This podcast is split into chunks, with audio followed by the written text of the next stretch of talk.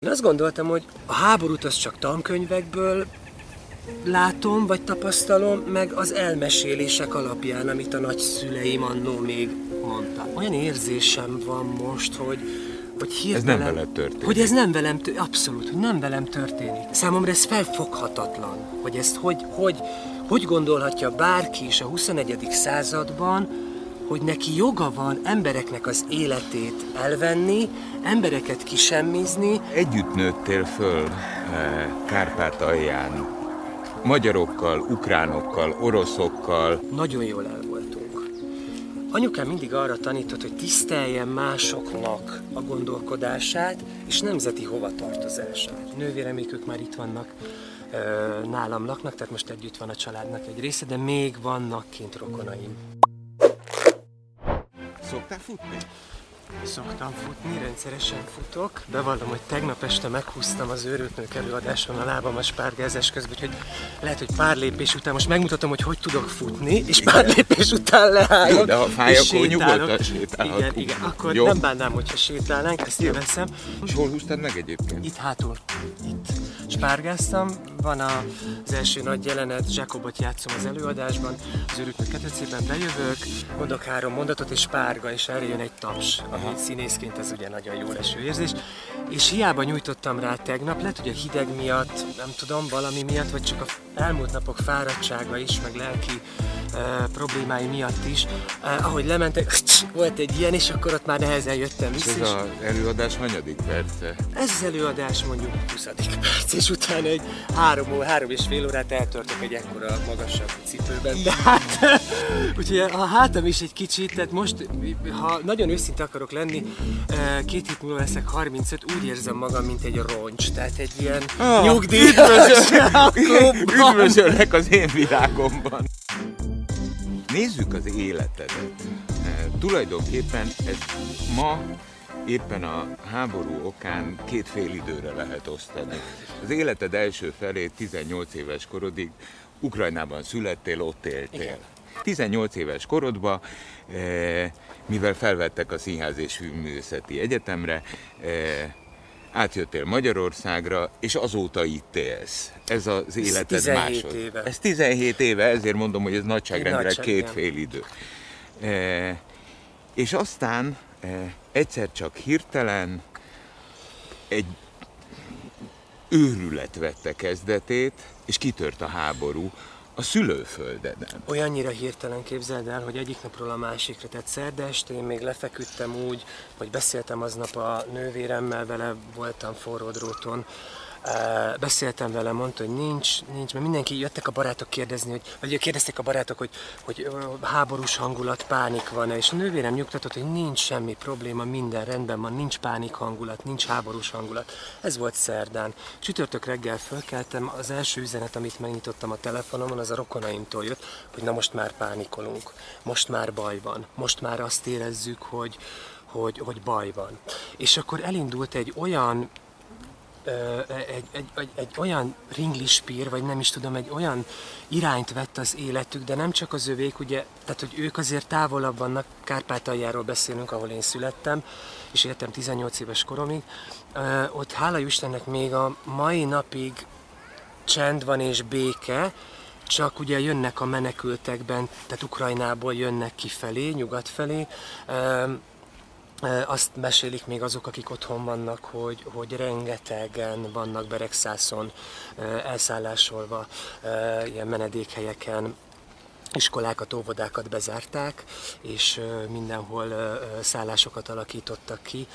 Tehát, hogy egy olyan fordulatot vett az életünk, ez történt csütörtökön, Engem megkértek, hogy a, az orosz nagykövetség előtt mondjak egy beszédet, volt egy tüntetés csütörtök este.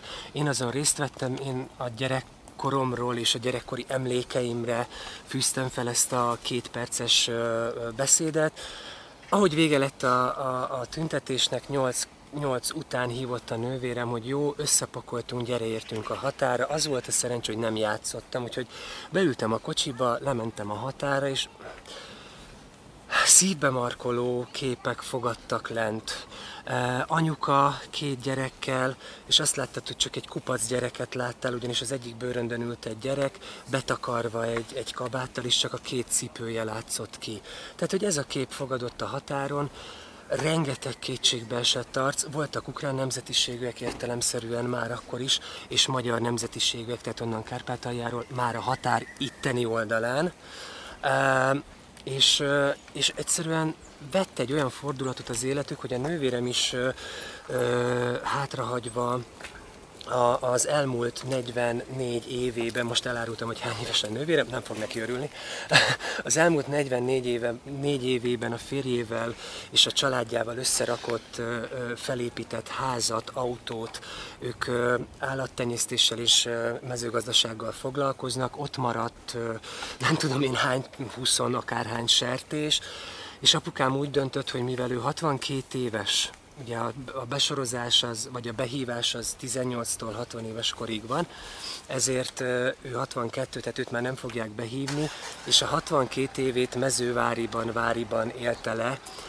Nagyon nehéz egy, egy embert valahonnan kirobbantani, ahol 62 évet eltöltött és azt mondta, hogy amíg lehető kitart, tehát amíg ott béke van, és addig kitart, és hát ügyel, a, ügyel a, a, az állatokra, eteti az állatokat, illetve ügyel a két házra, mert nyilván mindenkinek az a félelme, hogy egyszer csak beindul egy fosztogatás, egyszer csak beköltöznek, és az ember segít, én próbálok segíteni mindenkinek, aki hozzám fordul segítségért, de teljes mértékben megértem, hogy 62 évnek a munkáját nem biztos, hogy szeretnéd, hogy semmivé váljon, vagy, vagy ne a tiéd legyen, vagy nem tudom. Tehát, hogy egy egészen elképesztően pánik hangulat uralkodik, és a nővéremék ők már itt vannak, nálam laknak, tehát most együtt van a családnak egy része, de még vannak kint rokonaim, akiket majd még segítenem kell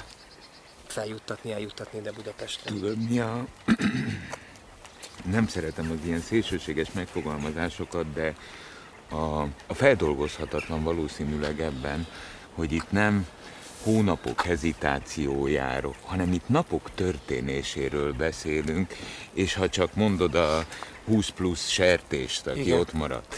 Tehát, hogy, hogy itt, itt azért ezekért ki gondoskodik az állatokról? Ki, ki, ki, hát, hogyan, hogyan, aki tehette, hogyan az rábízta a szomszédjára, aki ott maradt. És azt mondja apukám, bocsánat, hogy szabadba vágok, a mi településünk olyan kb. 3200 fős, abszolút magyar lakta település a határ mentén, csak a Tisza választ el minket Magyarországtól.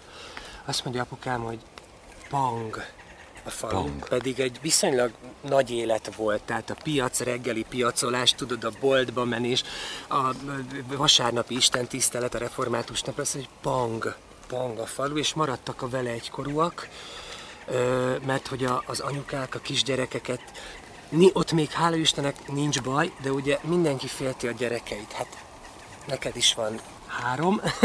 tehát, hogy, hát, hogy tehát, hogy egy borzasztó helyzet. Én azt gondoltam nekem, nekem a nagymamám, a nagyszüleim, ők a háborúnak a gyermekei voltak. És ők meséltek, gyerekek voltak, de meséltek néha-néha egy-egy történetet. Nem nagyon beszéltek róla egyébként, az az érdekes, hogy nagyon ritkán beszéltek róla. És én azt gondoltam, hogy én, mint a 21. század fiatal, előretörő színésze, majd akkor a háborút az csak tankönyvekből látom, vagy tapasztalom, meg az elmesélések alapján, amit a nagyszüleim annó még mondtak. És annyira, nem tudom, meg, megfogalmazni sem tudom, hogy olyan, olyan, olyan érzésem van most, hogy, hogy hirtelen, ez nem veled történik. Hogy ez nem velem, abszolút, hogy nem velem történik. Tehát itt vagyunk a 21. században, én próbálok nagyon zöld lenni, szelektíve hulladék, nem szemetelek, stb. Próbálok odafigyelni, villanykapcsoló, áramfogyasztás, tehát minden. Én azt gondolom, hogy a 21. században verbálisan, én naivan azt gondoltam, hogy verbálisan meg lehet beszélni mindent. Soha életemben nem verekedtem. Nem voltam ez a, inkább konfliktus kerülő vagyok, de tetlegességig soha, tehát soha nem ment. És én azt gondoltam, hogy ezt verbálisan, mivel az elmúlt lassan 35 évben meg tudtam beszélni mindent, én azt gondoltam, hogy, hogy, hogy a világbéke sokkal fontosabb, mint, egy, mint, mint, mint a hatalomfitoktatás és ártatlan embereknek az élete. Tehát, hogy számomra ez felfoghatatlan, hogy ezt hogy, hogy, hogy gondolhatja bárki is a 21. században, hogy neki joga van embereknek az életét elvenni, embereket kisemmizni, és mondjuk emberek életét ellehetetleníteni. Te együtt nőttél föl Kárpátalján, magyarokkal, ukránokkal, oroszokkal, hétköznapilag azt gondolom, hogy nem lehetett nagyon téma, hogy kinek mi az eredete, nem. kinek. Ehhez képest e, ma ugye zajlik a háború. Lehet, hogy most e, a gyerekkori barátaid e, harcoló alakulatok részei lesznek? Ö, nagyon, tehát aki tehette, az eljött. Tehát, hogy teljes mértékben megértem, hogy van egy-két gyereke, a gyerekét fel akarja nevelni, látni akarja, mikor. És még el tudott jönni. És el tudott jönni. Az ember, nem tudom, nekem a legfontosabb az első 18 év, hát ott kap az ember egy csomó mindent, amiből, amivel elindul az életbe, és amiből kibontakozik, amiből majd kibontakozik.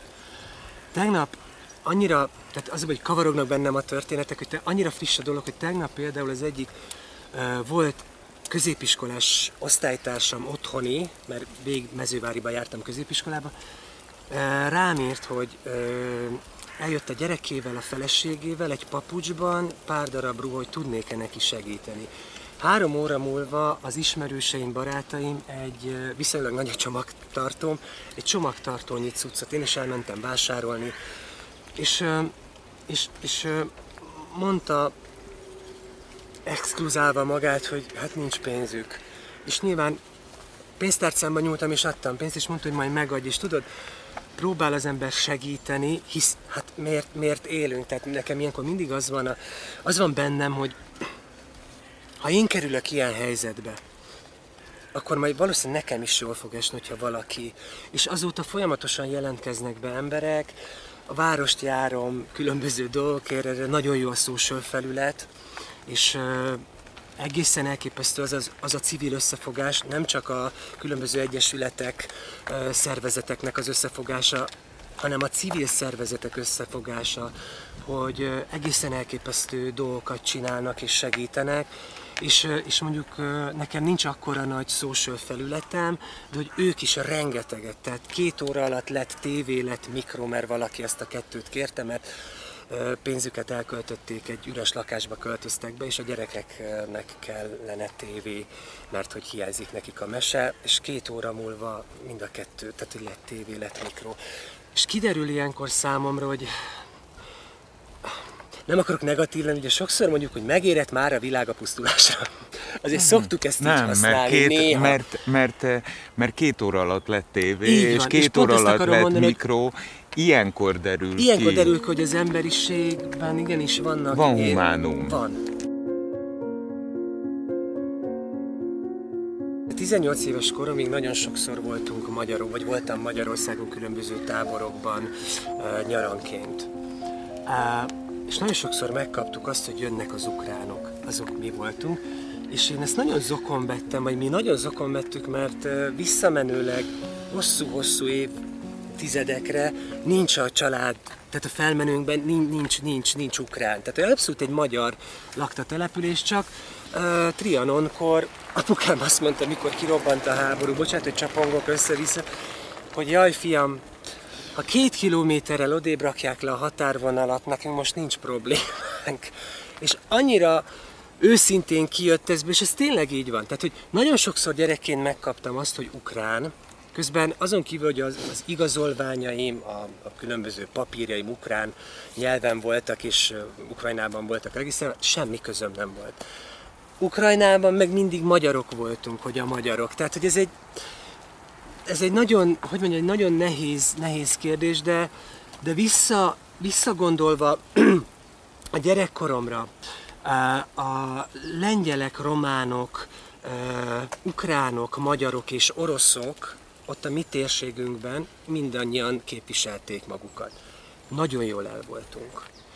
Anyukám mindig arra tanított, hogy tiszt, a szüleim, főként anyukám, hogy tiszteljen másoknak a gondolkodását és nemzeti hovatartozását.